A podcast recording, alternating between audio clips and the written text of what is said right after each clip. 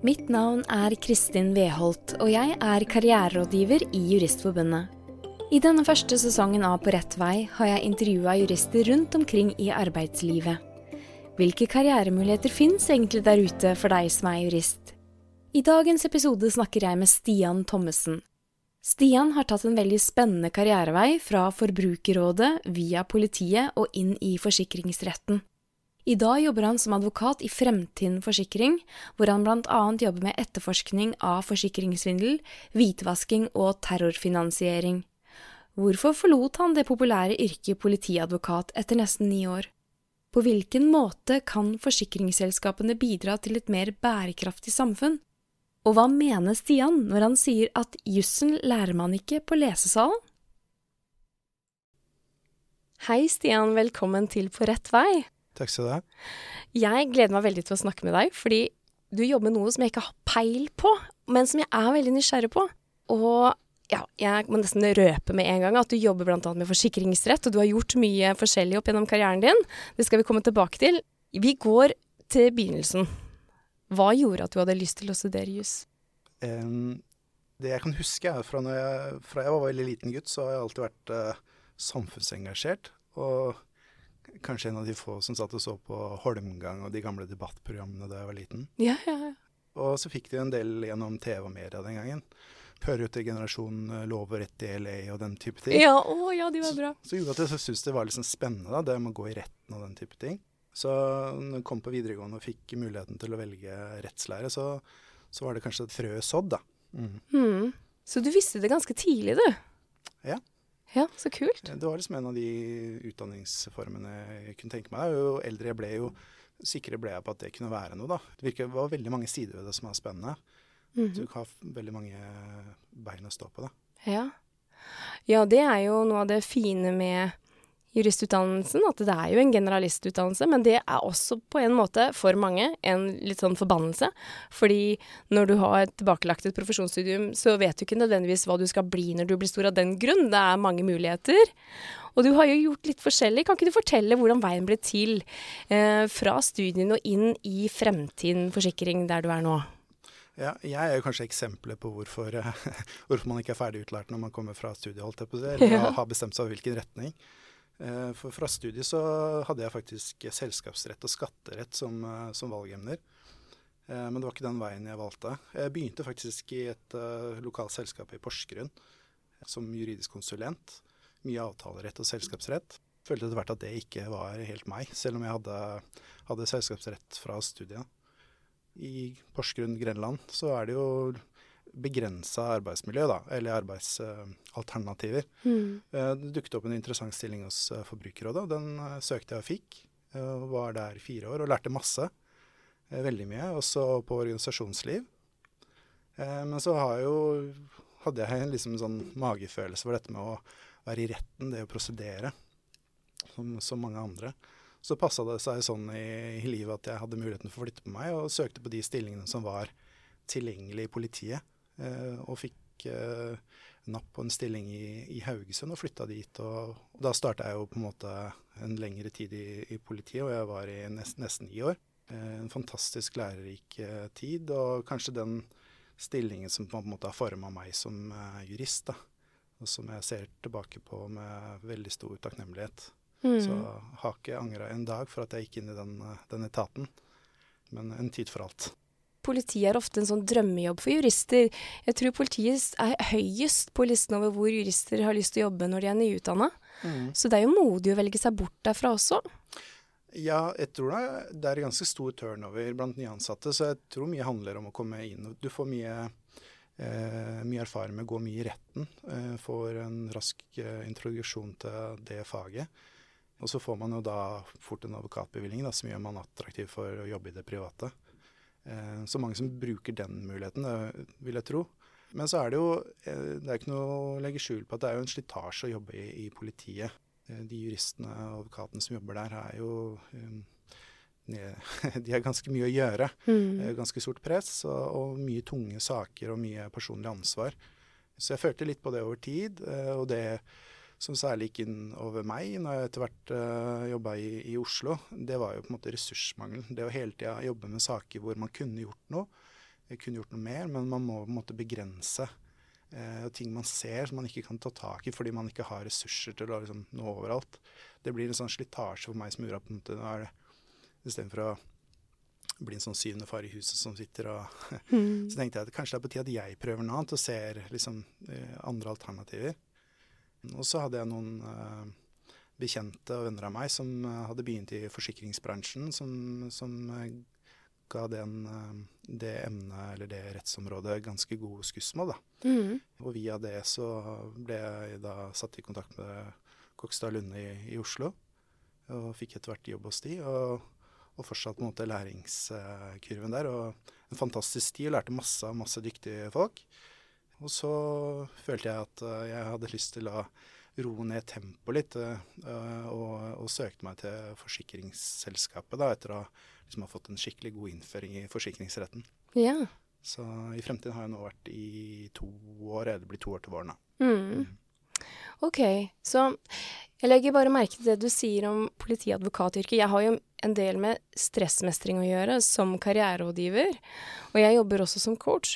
Og jeg vet det at politiet ranker ganske høyt på statistikken over jobbrelatert stress, nettopp for det du setter ord på, som jeg forstår som en slags verdikonflikt. At du vet at du kunne gjort mer, men på grunn av rammebetingelsene så kan du ikke Du må, du må prioritere hardt, da. Mm. Så jeg kan se at det er en utfordring for den sektoren, akkurat som man ser det samme i helsesektoren og undervisningssektoren. Absolutt. Eh, så er det litt uh, spesielt Eller det er jo litt uh, forskjell fra politidistrikt til politidistrikt og fra stasjon til stasjon. Eh, nå har jeg jobba både i Haugesund og i Asker og Bærum, og til slutt i, på og sentrum her i Oslo. Eh, og det er jo til sammenligning med andre politidistrikt, så er det jo like mye straffesaker i ved Sentrum politistasjon som det var i, i hvert fall i gamle Hordaland politidistrikt. da. Sånn at det sier noe om mengden, og man er ikke nødvendigvis flere folk til å håndtere det. Og da må man gjøre tøffe og harde prioriteringer da, på hva man, hva man, skal oppklare, og hva man skal iretteføre. Og det, det, kan være tøft å leve med av og til. Det er sånn på et sånn overordna nivå, men man har jo også den personlige ansvar for den saken man skal gå med. Da. Man, man har en portefølje, og den skal man håndtere. Saker skal ikke bli for gamle. og bevisene skal ikke ødelegges, og man skal følge opp den pågående etterforskninga. Men man skal også gå med de ferdige etterforskere i retten. Hvor mm. mye skal man forberede seg, hvor, hvor dypt skal man dykke ned, dykke ned, i bevisene og i jussen? Altså hva er godt nok? Det er en sånn balansegang som, som krever litt sånn uh, ja, trening og ja. Og det, da får man i hvert fall en, en erfaring med stressmestring, da, om dette er noe som, som passer for en selv. Mm. Ja. Men jeg er glad for at du deler det perspektivet, for det er kanskje noe ikke alle har tenkt over. Jeg har bare lest mye krimlitteratur. Jeg har sett at det blir tematisert der. At det bare Å, det er alltid ressursmangel. Men sånn er det jo. Altså, man kunne alltid gjort mer. At det er så samfunnskritiske funksjoner, og der er det jo ofte, da, ressursmangel. Ja. Og Så er det jo en side til at sånn er det jo egentlig uansett hvor man, hvor man jobber, så er det på en måte det er noen ytre rammer for hvor mye man kan få gjort. eller Absolutt. Eh, om, det man jobber, om, det er i politiet eller om det er i, i et privat uh, advokatfirma, så, så, er det ikke ubegrenset hvor mange timer man kan legge ned på en sak. Og man har andre saker man skal prioritere og gjøremål, så, og man må gå hjem for dagen. Så, så, det er begrensninger, men det lærer man seg ganske fort når man jobber i politiet. Og det tror jeg er veldig verdifullt. og det tror jeg også er noe av grunnen til at man, det er så attraktivt å, begynne der, fordi arbeidsgiver eh, i andre steder vet at du har fått en god trening og opplæring i nettopp det. da. Ja. Så det med porteføljehåndtering og det stressmestring og det å ta ansvar og beslutningsevne osv. Mm. Ikke minst samarbeidsevne, det å kunne samarbeide med etterforskere på, på tvers av saker og behandle vitner og motparter osv. Mm. Mm. Ja, det, det er jeg glad for at du sier, så det kan være også et godt springbrett inn i andre jobber. Mm. Det der med godt nok, det er et begrep som går igjen i intervjuene jeg har her på Rett vei. Hva er godt nok? Man må levere godt nok. Bare bestemme seg for hva som er godt nok. Det tror jeg er et av de mest uh, gjentatte begrepene på podkasten. Så jeg ser det for jurister, så kommer det til et punkt hvor du må ta en beslutning. Mm. Mm. Ja, altså man har ikke all tid i verden. Man kan ikke studere alle juridiske spørsmål. Eh, man må gjøre seg en, eh, en grundig og god nok vurdering. Og den, hva som er godt nok, er jo litt sånn, litt sånn personlig ting. Eh, og så må man gå videre. Mm. Så får man erfare om man gjorde feil eller ikke, men så ofte så skal jo de vurderingene man har gjort, kontrolleres eller avsjekkes av noen andre. Så man får jo ofte en korreksjon der, da. Mm. Ja, det er Så godt å tenke på. Jeg tror kanskje det også har gått sånn i samfunnslivet eller i det personlige liv generelt. At man ikke dveler for lenge med ting, men, eh, men tar en beslutning og går videre. Mm. Det tror jeg du har helt rett i. Det er mye stress og energilekkasje i å ikke ta beslutninger i stort og smått Ja. her i livet. Uten tvil. Ja. Så i dag, når du er hos Fremtiden, hva er de viktigste oppgavene du har i jobben? I dag jobber jeg i en seksjon som um, utredningsseksjon, som ligger under eh, sånn som vi har organisert oss, da, med oppgjørsjuridisk. Hvor, um, hvor jeg sitter og håndterer alle saker som kommer inn til selskapet som knytter seg til uh, uriktige eller ufullstendige opplysninger i forbindelse med skadeoppgjør. Eller uh, der du får uh, mistanke om at det er gitt uriktige opplysninger ved kjøp av forsikringen. I de tilfeller det foreligger noen indiser eller noen noen eh, ting som kan tyde på det, så, så plasseres de sakene ofte i min avdeling. Hvor eh, det plasseres på et eh, saksteam, da, hvor jeg er eh, kanskje en av advokatene. Og så, og så er det gjerne en utreder og en som er fagspesialist, som har særlig kunnskap om på en måte om forsikringsområdet. Da, om det måtte være en boligskade eller en tingskade eller motorskade. Mm. Eh, og så er det egentlig en slags politietterforskning. Light, hvis man kan kalle det det. Man har ikke de verktøyene som politiet har, eh, tvangsmidler og sånn. Men man kan jo på samme måte som politiet snakke med vitner og gjøre undersøkelser av offentlig tilgjengelige kilder. Eh, og vi har eh, teknisk kompetanse. Vi har jo tidligere krimteknikere som jobber på brannåsteder etter boligbranner, utbrente bilvrak. Ja for å undersøke hva er skadeårsaken, og, og utelukke eller bekrefte de hypotesene man har da, om, om uh, hva som var riktig i den aktuelle saken. Mm. Så her får du brukt den kompetansen du fikk på Politihøgskolen da du studerte etterforskning, og den erfaringen du har fra politiet for øvrig. Altså, det visste ikke jeg, at det finnes så spennende jobber innenfor forsikring i forsikringsselskap. Nei, eh, jeg tror kanskje det er sånn skjult for ganske mange. Ja. Eh, og jeg ser jo det at eh, de forsikringsdagerne som vi er i kontakt med, med jobben, så, så, får de en følelse av at det er politi. Mange spør er dette et politiavhør. Men, men er mange forsikringstakere som ikke vet at og i et forsikringsoppgjør da, så har man en opplysningsplikt til selskapet. Man, man plikter å, å, gi selskapet de opplysninger som er tilgjengelige for en. Eh, og Det gjør jo at vi kan stille ganske flere spørsmål eh, som de plikter å svare på, enn hva politiet kan gjøre. Mm. For I politiet så er det jo sånn selvinkrimineringsvern og sånn, så man kan nekte å forklare seg for politiet. Men det kan ikke en forsikringstaker gjøre for oss. Så alle de opplysninger vi får, vil vi jo da på en måte sammen med de øvrige opplysningene i saken gjøre om at vi kommer fram til et riktig oppgjør. da, Det er det som er poenget. Mange tror jo at forsikringsselskapet gjør alt de kan for ikke å utbetale, men det er jo ikke tilfellet. Eh, det er jo saker hvor vi, vi, finner ut at her skal vi faktisk ha mer enn hva du har krevd også. Mm. Så, så, det handler om at vi, vi skal liksom på vegne av våre kunder i fremtiden, så skal vi ikke betale ut mer enn vi må. Av hensyn til at ikke dere skal betale mer for de tjenestene vi leverer. Da. Så jo mer vi må betale ut, jo mer må vi jo ta inn av uh, premier fra, fra, folk. Så det er jo et enkelt regnestykke, dette. Mm. Så jeg skjønner at du jobber fortsatt litt som etterforsker. Hva mer gjør du?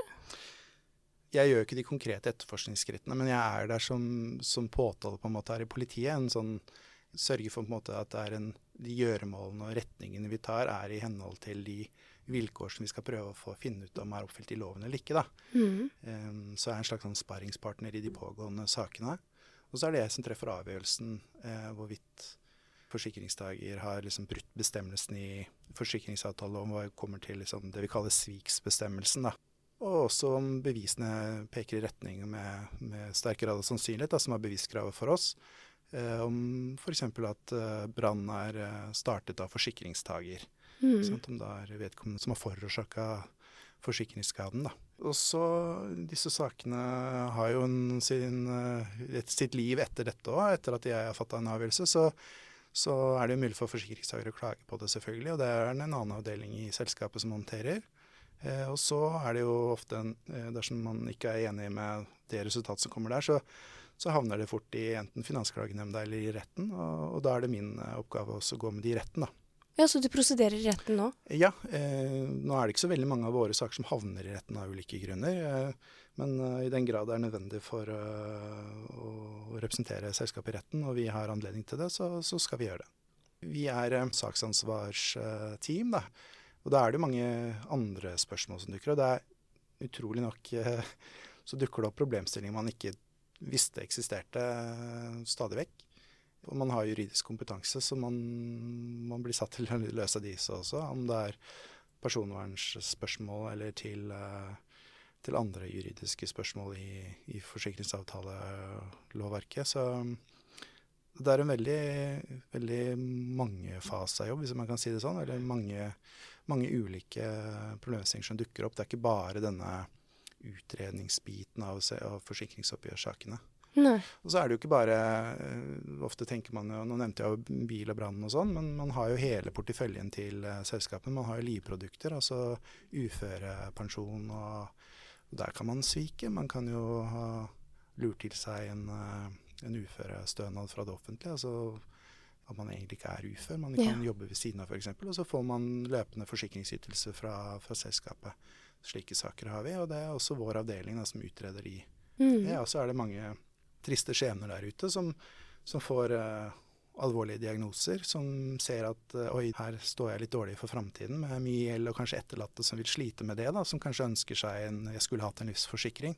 Mm. Som tegner en livsforsikring og tilbakeholder for selskapet at de f.eks. har en kreftsykdom, som også er en sak som, som vi undersøker, og som, som jeg treffer en avgjørelse i, da, hvorvidt forsikringsutbetalingen skal skje eller ikke. Ja, wow. Du fortalte noe før vi trykte på rekord her om eh, eh, mobiltelefoner. At det er mange saker om mobiltelefoner som jeg tenker på jeg, Det hadde jeg ikke trodd. Eh, mobiltelefoner er liksom personlig eh, for, Sånn som jeg ser det, en sånn mare for selskapene. Og ja. egentlig for, for politiet og utrolig mye, tror jeg, da eller vet jeg sånn internt hos oss, men jeg tror for hele bransjen og for politiet at det er utrolig mye saker som går på tyveri eh, eller tapte mobiltelefoner. Eh, og det vi ser, er jo at uh, før lanseringen av nye iPhone og sånn, så er det sånn påfallende økning av folk som blir utsatt for tyveri av mobiltelefoner, eller, eller mister mobiltelefonen sin, da. Ja. Og så sender krav til oss for å få, få de dekket, da. Så en mistanke med, med litt uh, underbygging av empirien så, som tilsier at uh, ja, det er mange som da prøver seg for å få fremtiden til å dekke en ny telefon. Ja. Hm. Maken til kreativitet. Jeg vet jo også at du jobber med anti-hvitvasking. For meg så er det sånn Det virker som et ganske stort tema. Jeg vet ikke helt hva det går ut på. Hva, hva gjør du i jobben din som har med anti-hvitvasking å gjøre? Ja, Anti-hvitvasking og terrorfinansiering er jo uh, aktuelle temaer for fremtiden, som alle andre i finansbransjen. Uh, strenge regler som selskapene er underlagt. Og en rapporteringsplikt til Økokrim når vi oppdager og ser ting som faller inn under Eh, varslingsplikten. Så alle saker, eh, alle forsikringskrav som meldes til oss, så gjøres det jo en slags screening da, av på en måte berettigheten eller rettmessigheten av kravet. Og i de sakene vi har til utredning, så, så handler det om å liksom avdekke om det her er grunn eller mistanke om at uh, pengene eller uh, tingenes opprinnelse stammer fra kriminalitet. da, Utbytte av straffbare handlinger. De tingene de, de søker forsikringsutbetaling for? Ja, altså ja, sier jeg det, da, sånn vil påstå at liksom all kriminalitet i hovedsak har profittmotiv. Veldig mye av kriminaliteten i hvert fall drives av profitt. Og den profitten, for å kunne ta den i bruk som privatperson eller organisasjon, så er det jo et steg om å hvitvaske de. Og det handler om å gjøre de legale i sin egen økonomi. Eh, og hvis man da prøver å skjule det, eh, altså hvor det blir av pengene, eller hvem som har rådighet over den, eller prøver å tilsløre det, som står i definisjonen av det, av enten av pengene eller av eh, eiendelens ulovlige opphav, så, så er det en hvitvaskingshandling. Og i den grad vi oppdager det, så må vi varsle det til Økokrim. Og så må selskapet også ta en stilling til hvorvidt vi skal gjøre et forsikringsoppgjør. Og det typiske kan være at uh, man har forsikra en dyr Rolex-klokke hos oss mm. som man får mista. Og man kan ha hatt klokka, og man kan ha mista det, det er helt reelt. Men den klokka har du fått av en som stjal den. Da har du et utbytte av en straffbar handling. Du er telleri, du har en stjålet klokke. Hvis vi utbetaler den, da, så har jo vi hvitvaska den klokka.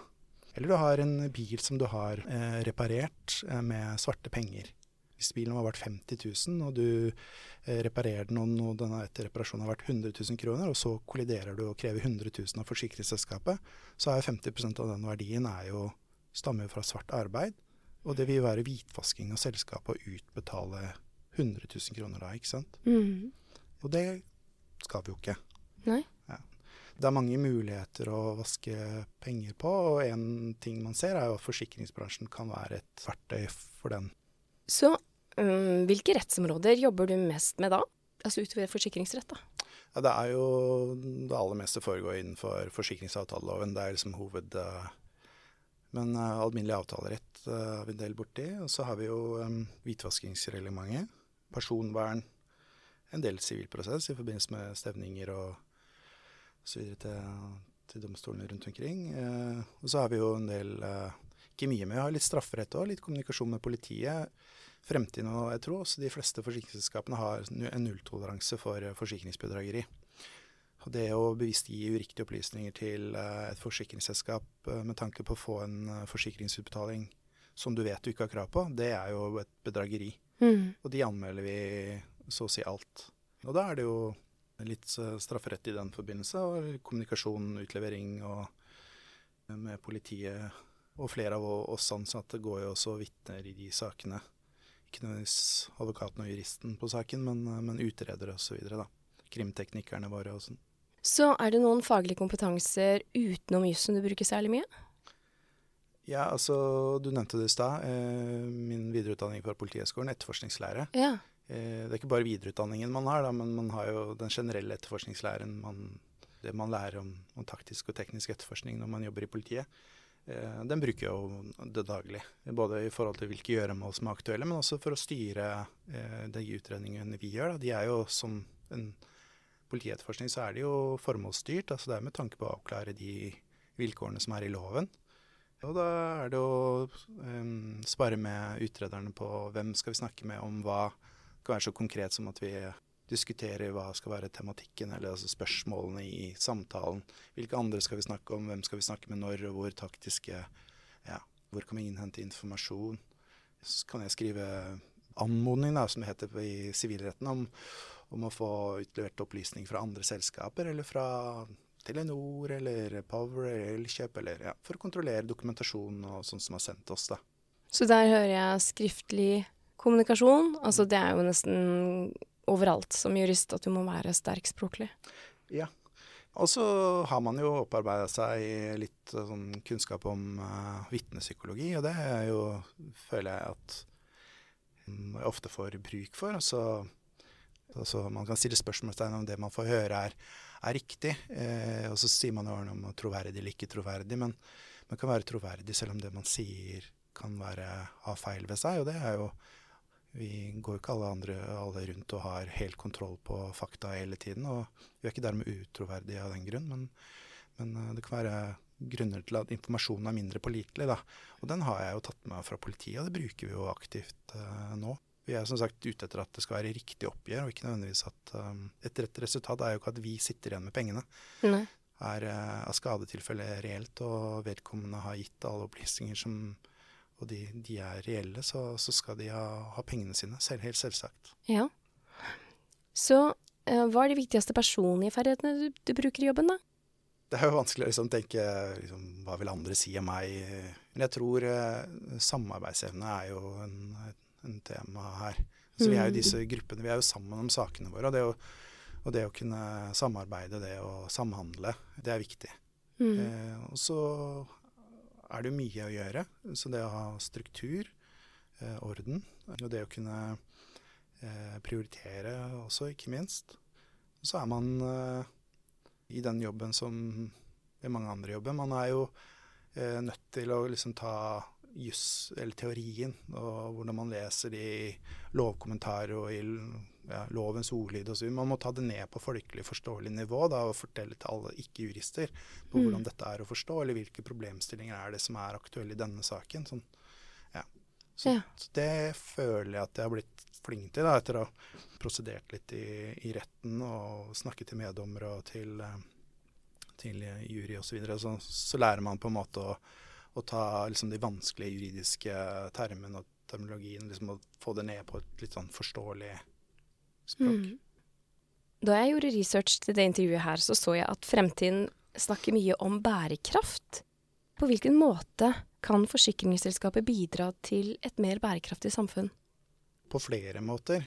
Kanskje ta to sånne hovedpoenger der. Det, det, ene kan være som et stort forsikringsselskap sånn som Fremtiden er, så har vi en, en, en stemme som blir lytta til.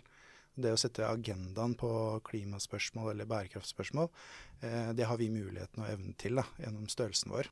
Og også fordi vi er da, politisk aktuelle. Vi får komme til orde i, i, de miljøene som er eh, nødvendig når man skal på en måte sette disse temaene på, på agendaen. Og da handler det om å synliggjøre de utfordringer som, som selskapet opplever da, på f.eks.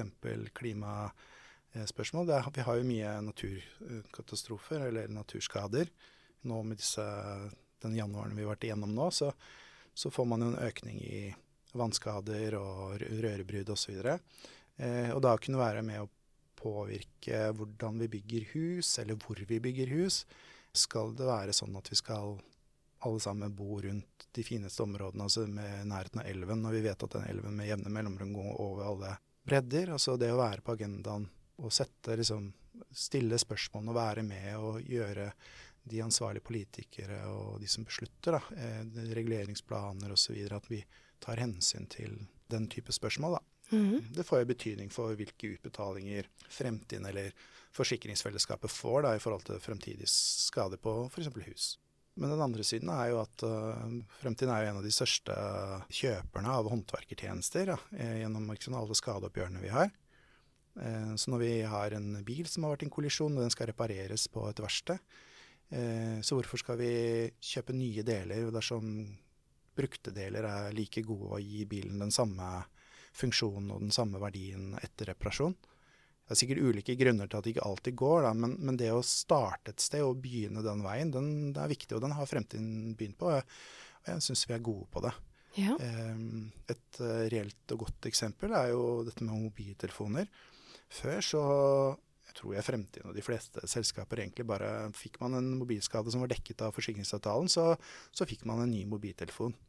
Uh, men nå er det sånn at uh, de aller, aller fleste mobilskadene hos oss, de blir reparert vi har, si vi har mellom 50 og 100 000 mobilskader i året. Da, mm. Det at vi kan både liksom stille krav til at de skal repareres, men også at vi kan stille krav til den, den som skal få en avtale med oss da, på å reparere disse mobiltelefonene.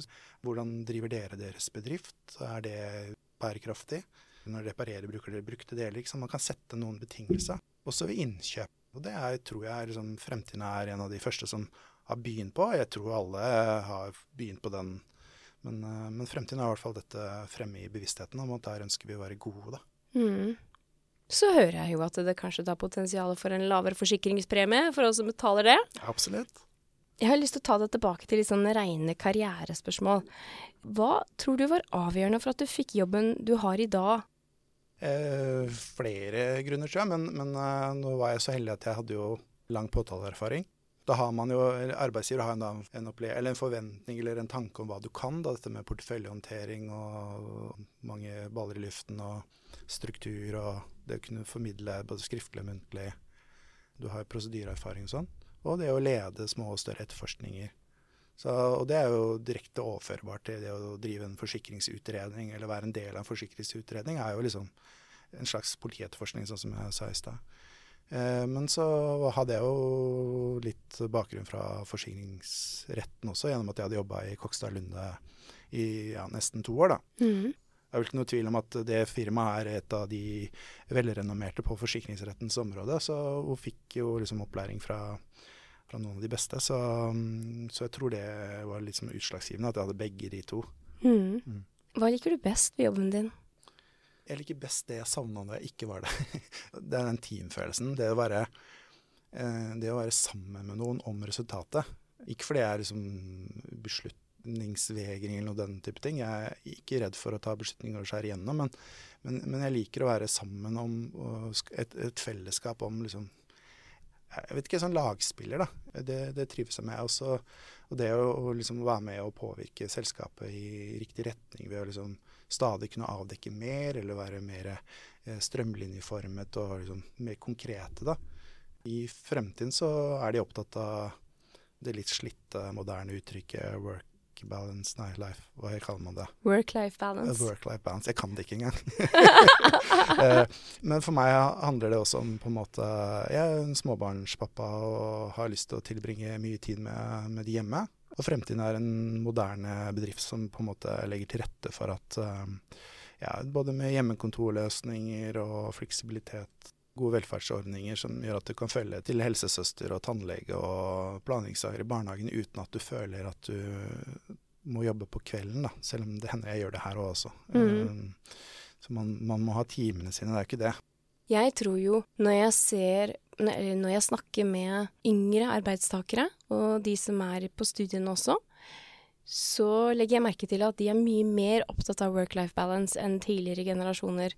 Og dersom man skal være konkurransedyktig som arbeidsgiver, så tror jeg at dette er tema som de må adressere eksplisitt for å tiltrekke seg de beste hodene, som det heter litt sånn klisjéfylt. Mm.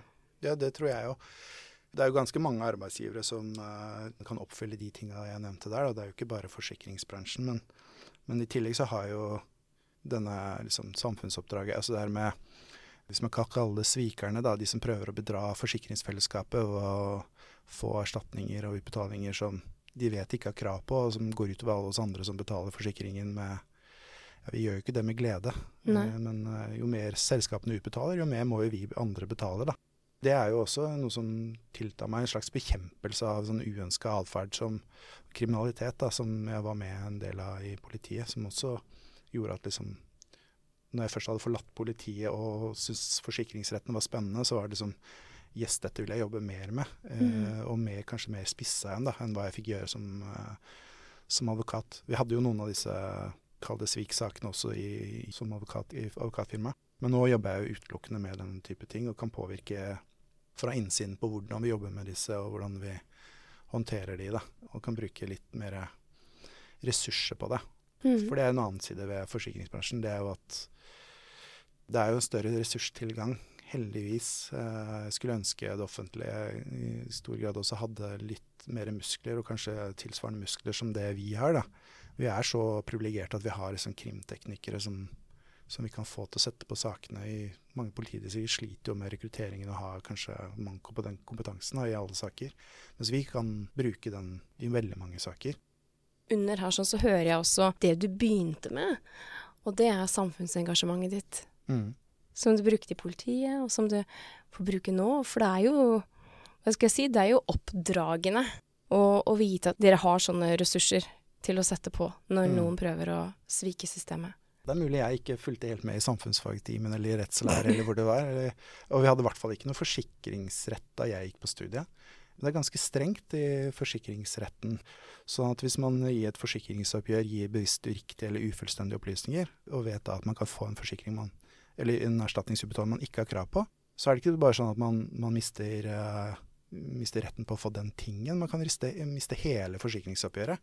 Mm. Uh, og, og, det betyr jo at hvis man i utgangspunktet har vært utsatt for et uh, ran eller tyveri da, av, av, lommeboka, men så slenger man på at man oppi veska også hadde en mobiltelefon, og så finner selskapet ut at nei, du hadde aldri denne mobiltelefonen, da får man jo ikke erstatta det andre heller. Og det kan høres sånn simpelt ut når det gjelder liksom et sånt mindre tyveri, da, mindre verdier, men det er jo samme regelen som gjelder i de store brannene.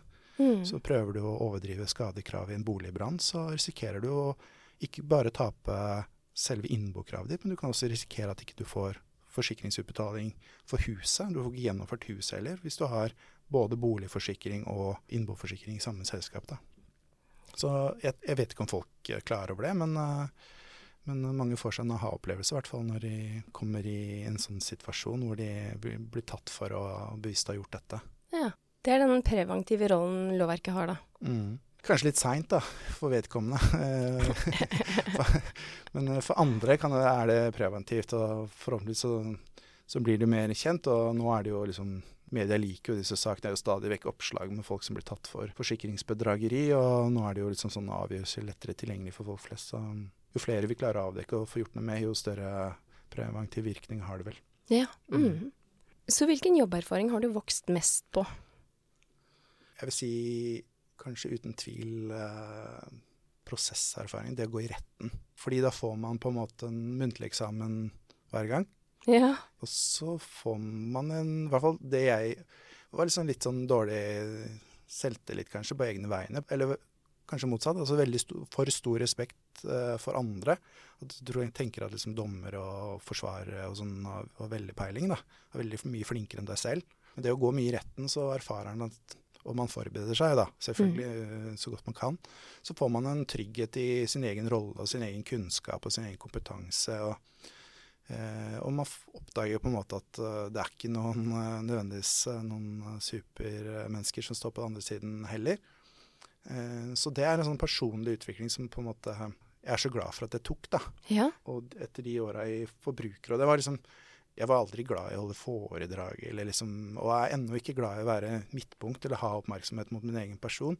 Så det å stå i retten og prosedere og sånn, det var mange tror kanskje ikke det var helt meg, eh, inkludert meg selv. Men jeg trivdes veldig med det og har blitt veldig sånn, trygg på meg selv etter det. Så det er en, en erfaring som jeg Hvis det er noen der ute som eh, lurer på om de skal prøves og, å, gå en vei for å få prosedert for retten, så ikke lur, gjør det. Og så gjør det noen ganger, og så får du en erfaring på om dette er noe du trives med. Og forhåpentligvis får man en sånn Eh, indre trygghet da, som man kan ta med seg ut om man velger å hoppe av det livet etter hvert. Så får man få en sånn indre trygghet på jussen om at måten man tenker på, måten man fremlegger det, måten man argumenterer på, på en måte vinner frem. da. Mm. Mm. Ja, jeg måtte jobbe litt for å få deg med på denne podkasten her, så jeg, jeg, jeg, skriver under på at ikke du trenger å være midtpunktet, ja. Mm. ja. Fortell om en gang da du følte at du virkelig gjorde en forskjell som jurist. Jeg syns det er vanskelig føler Sånne spørsmål sånn, gir seg som veldig gamle. Jeg er bare 43 år, men eh, så det er vanskelig å liksom, tenke sånn eh, veldig på enkelthendelser. Men, men, det er noen ting som fester seg eh, mer enn andre, og da er det gjerne enkeltmennesker, da. Da jeg jobba i Oslo, så jobba jeg med eller på ransgruppa. Jeg hadde de fleste ransaker i Oslo. Uh, og der hadde vi saker hvor gjerne sånn eldreran hjemme hvor disse gamle menneskene Vi hadde en sak, en større sak hvor det var over ti eh, eldre mennesker i, som var over 90 år gamle, som var blitt rana i sitt eget hjem. Å, herlighet. Eh, og det å kunne være med å bidra, oppklare og ta disse gjerningspersonene og sånn, det var en sånn mm. stolthet. en følelse følte liksom kunne gi liksom litt trygghet tilbake til disse eldre menneskene. At de personene som hadde gjort dette, ikke lenger var på gata og ikke ville kunne gjøre dette på nytt. Da. Det var en glede, selv om dessverre med så høy alder så var det faktisk noen som ikke rakk å oppleve det før de døde. Men uh, de døde av alderdom. Ja.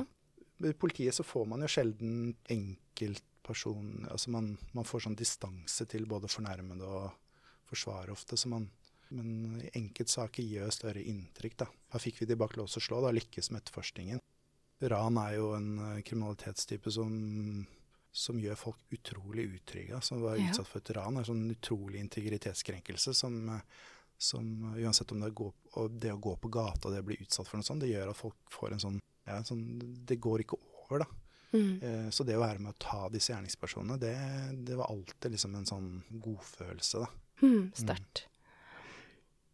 Hva vet du nå som jurist som du skulle ønske du visste da du var student, og særlig da du skulle søke din første jobb som jurist? Jeg skulle gjerne visst at uh, jussen lærer man ikke på lesesalen, men man lærer det praktiske liv.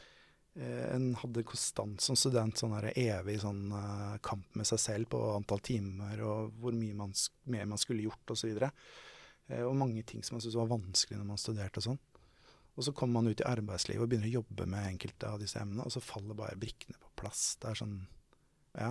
Og det å liksom kunne få den tryggheten og liksom, OK, dette er vanskelig nå, og sånn, men nå kan jeg basicen, og så får jeg dette under huden når jeg begynner å jobbe med Hvis jeg begynner å jobbe med det. Ja. ja. Og så også litt den derre med man føler som alle andre er så flinke. hvert fall det var det, det kan hende det var meg som person, da, men jeg hadde en følelse av det at liksom alle var så på studiet. Det er jo et høyt inntakskrav, og, og er jo et liksom ærverdig yrke sånn jussen er liksom godt ansett i samfunnet. da. Så man tenker liksom at alle som er der, er veldig flinke. Eh, og veldig karrierejag og karakterpress. Eh, men det å få komme ut i arbeidslivet og erfare at eh, den alminnelige jurist er helt alminnelig, det tror jeg studentene Skulle ønske jeg òg ble ble trygga i den gangen jeg studerte. Og så var det en annen ting òg. Det var jo liksom jeg nevnte i stad, når jeg studerte, så trodde jeg at jeg hadde sett for meg den retningen jeg ville gå. Det var så spennende med selskapsrett og skatterett. Jeg syntes det var morsomt på, på studiet, og, og, hadde tenkt å gå den veien. Og så skjer det jo ting i ethvert liv som gjør at man kanskje ikke starter der, og så får man opp øynene for noe annet. Og det tror jeg kanskje kan være en sånn Det å prøve litt forskjellig, og, og før man på en måte slår seg til ro med for resten av arbeidslivet. Da. Det tror jeg kanskje kan være en greie. Eh, at man er åpen for at selv om man er veldig syns noe er veldig morsomt og spennende på studiet, så kan det være at det praktiske liv ikke møter deg sånn, og at man da tar de andre og er åpne for de andre fagene og tenker at de òg kan være vel så spennende å jobbe med når man kommer ut der. Da. Ja. Mm jeg tror det er ganske stor forskjell på studiehverdagen og hvordan jussen er i praksis. Så jeg syns det er fint at du setter eh, ord på det, og at man kan prøve litt forskjellig. Men det er en annen ting du sa også som jeg Du sa kanskje, kanskje bare jeg som er sånn, altså det med å sammenligne seg med andre på studiet. Det er ikke bare deg som er sånn. Jeg hører det veldig mye på karrieretelefonen, og særlig jeg tror nok at det er noe med den Kanskje spesielt for jusstudiet, eller kanskje det er sånn på andre litt sånn fag hvor det er veldig høye inntakskrav, da. At man vet at man er omgitt av mange flinke, og at man gjerne vil henge med. Det har jeg altså bare lyst til å si til lytterne våre, at hvis du sitter der og tenker at alle andre er så flinke, og jeg må streve så hardt for å oppnå dette her Du er ikke aleine. Mm. Du er ikke aleine. Det er veldig mange som har det sånn. Og takk for at du delte det, Stian. Ja, nei, men det mener jeg helt oppriktig. Jeg fikk litt inntrykk den gangen jeg studerte òg, at det var, liksom, det var nærmest en konkurranse i hvem som tilbrakte flest timer på lesesalen, og hvem som hadde lest mest. Ja. Jeg husker jeg skulle inn og ha eksamen, så var det folk som kom med kofferter med litteratur for å liksom ha tilgjengelig på den litteratursjekken og sånn, og jeg var jo ikke i nærheten av det. Og, um, men det er ikke sånn at uh, det er de du mistenker er de flinkeste som når du studerer, som er de flinkeste når du kommer ut i den virkelige verden. Og det er ofte også andre egenskaper som er viktig å kunne når man kommer ut. En ting er å være teoriflink, men, men jussen i det praktiske livet handler om veldig mye andre ting enn nødvendigvis de juridiske problemstillingene. Og i veldig mange saker så er de juridiske problemstillingene ikke kompliserte. Mm. Det er de andre tingene som er mer vanskelig. Som advokat f.eks. så skal man løse klientens behov, og det behøver ikke nødvendigvis være et, et sånn juridisk spørsmål som, er to, eller som er et svar med to strekker under svaret. Eh, så den klientrelasjonen, det å forstå en helhet og eh, hva som er problemet, hva er det viktigste for denne klienten, og, eh, og det å kunne liksom, ha en god relasjon med klienter, omgås klienter og samarbeide sånn, det kan man jo ikke sitte på lesesalen og lære seg. Nei. Du kan bli en god akademiker, kanskje, eh, og noen Vi trenger de òg. Og, mm. og ja, vi er forskjellige. så den frustrasjonen jeg selv hadde med å sitte og lese og lese og lese og føle at man ikke får helt kontroll på stoffet. Så kommer man ut i det virkelige liv, og så ser man at det er faktisk ganske mange som ikke kan akkurat det stoffet her, og som du gjennom å praktisere det blir veldig god på. da. Så jeg tror folk skal slippe ned skuldrene litt, og så tenke seg at uh, kompetansen, uh, den, den kommer. Takk for den betryggelsen. Og jeg må bare si, jeg tok jo privatrett grunnfag, som det het i den gangen, da. Og jeg er B-menneske, og jeg kom slengende på lesesalen sånn halv ti-ti. Da blei jeg uglesett. Mm. Uh, men det, det, husker jeg. Det har jeg ikke opplevd på noe annet studium. Stian, det har vært en glede å ha deg her i studio. Jeg visste ikke, kanskje det er jeg som er fordomsfull, eller bare jeg mangler kunnskap, men det virker skikkelig kult å jobbe med forsikringsrett. Visste, ja, men jeg visste ikke at det var så mangfoldig, og at det var så etterforskende. Tusen takk for at du ville delta. Bare hyggelig. Tusen takk for at du har hørt på På rett vei. Hvis du liker denne podkasten, del den gjerne med en venn. Og har du som jurist spørsmål om karriere? Sjekk ut karrieretjenestene våre på juristforbundet.no. For medlemmene våre tilbyr vi gratis karriererådgivning og digitale karrierekurs. Du kan også følge Juristforbundet på sosiale medier som LinkedIn, Instagram og Facebook. Vi høres!